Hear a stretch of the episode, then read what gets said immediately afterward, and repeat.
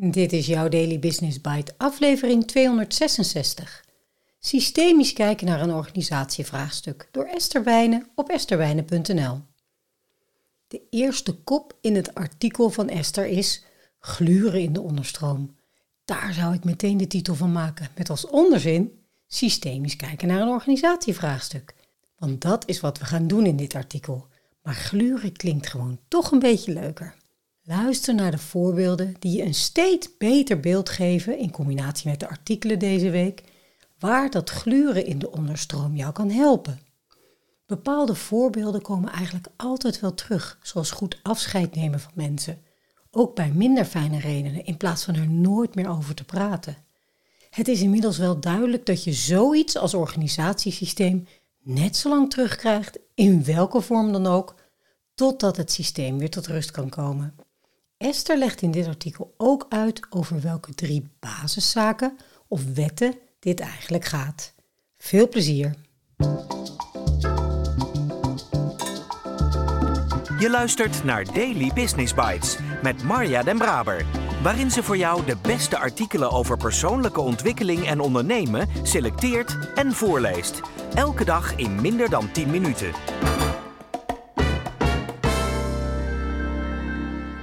Komt-ie. Gluren in de onderstroom. Ken je dat? In jouw organisatie krijg je de vinger niet achter een probleem. Iets onaangenaams blijft steeds terugkeren en je krijgt er maar geen vat op.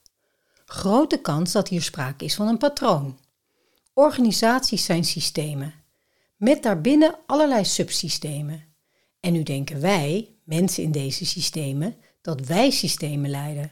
Maar dat is niet zo. Systemen leiden ons. Systemen brengen zichzelf in balans, trekken iets recht, brengen iets onder de aandacht waar geen oog voor is. Dat doen ze door zich te manifesteren door zichtbaar gedrag van mensen. Klinkt dat een beetje eng? Dat is het niet. Eerder logisch als je kijkt vanuit het systemisch werk.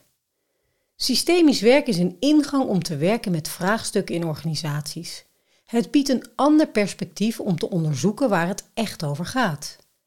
Het gaat niet om hoe een symptoom zich toont in de bovenstroom, maar juist voorbij het zichtbare in de onderstroom.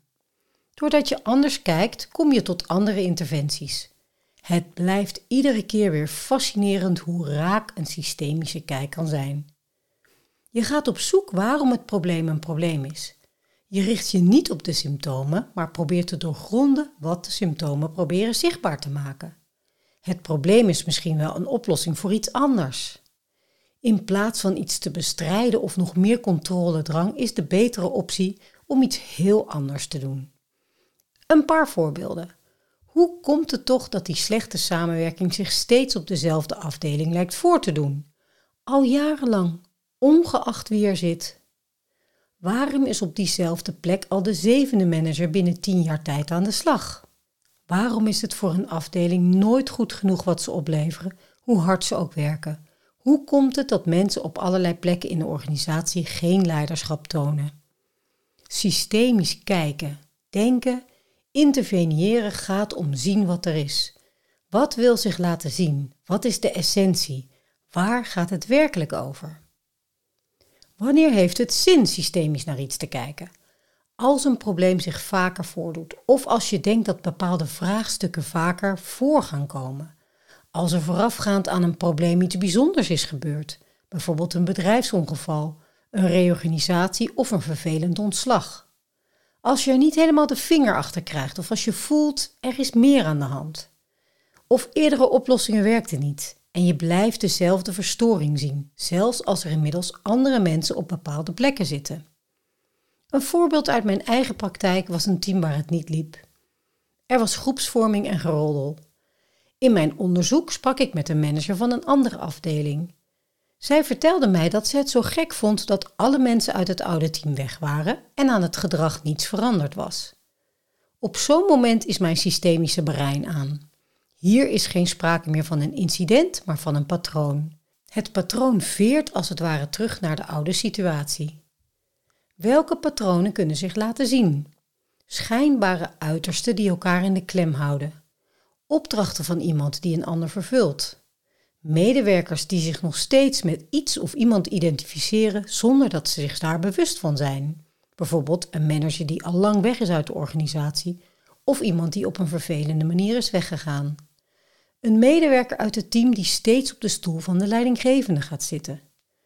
Patronen tonen zich vaak in ziekteverzuim, verloop, conflicten, gebrek aan ondernemerschap, dingen die vastzitten, niet genomen leiderschap, voortdurende onduidelijkheid.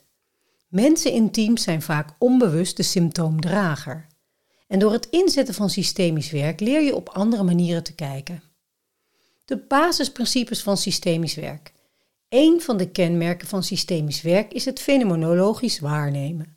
Dat betekent het zien van de werkelijkheid zoals die is, zonder oordeel, zonder interpretatie, zonder kleuring. Inzicht krijgen in de onderstromen van de organisatie en de dynamiek die van invloed is op het succes en de doelmatigheid van de organisatie. Het gaat veelal niet over waarneembaar gedrag, wel over zichtbare fenomenen, ziekteverzuim, verloop, geroddel, etc. De interventie gaat over de bewustwording van het patroon en de principes van systemisch werk.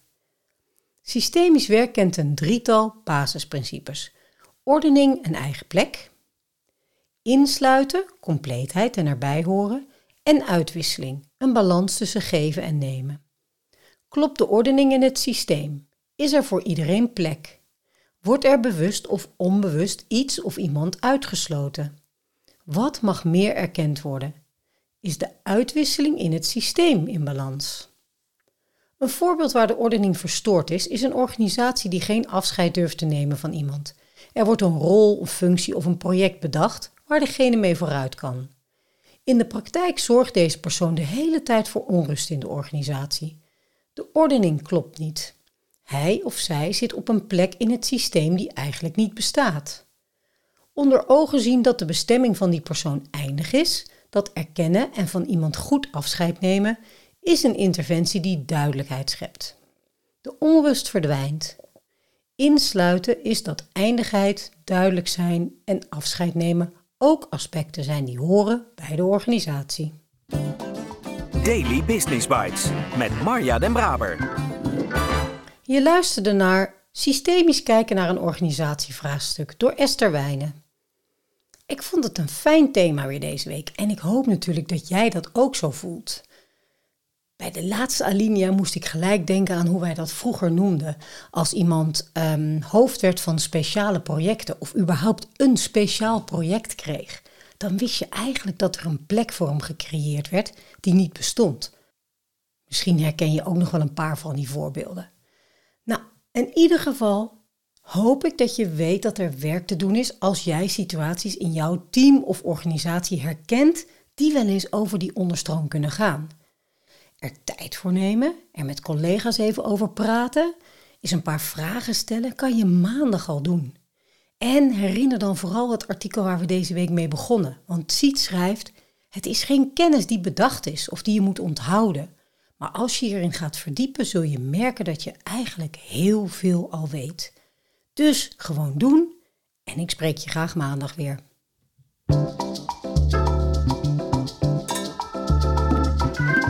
Was Daily Business Bites. Wil je vaker voorgelezen worden? Abonneer je dan op de podcast in je favoriete podcast-app. Meer weten? Klik op de links in de show notes.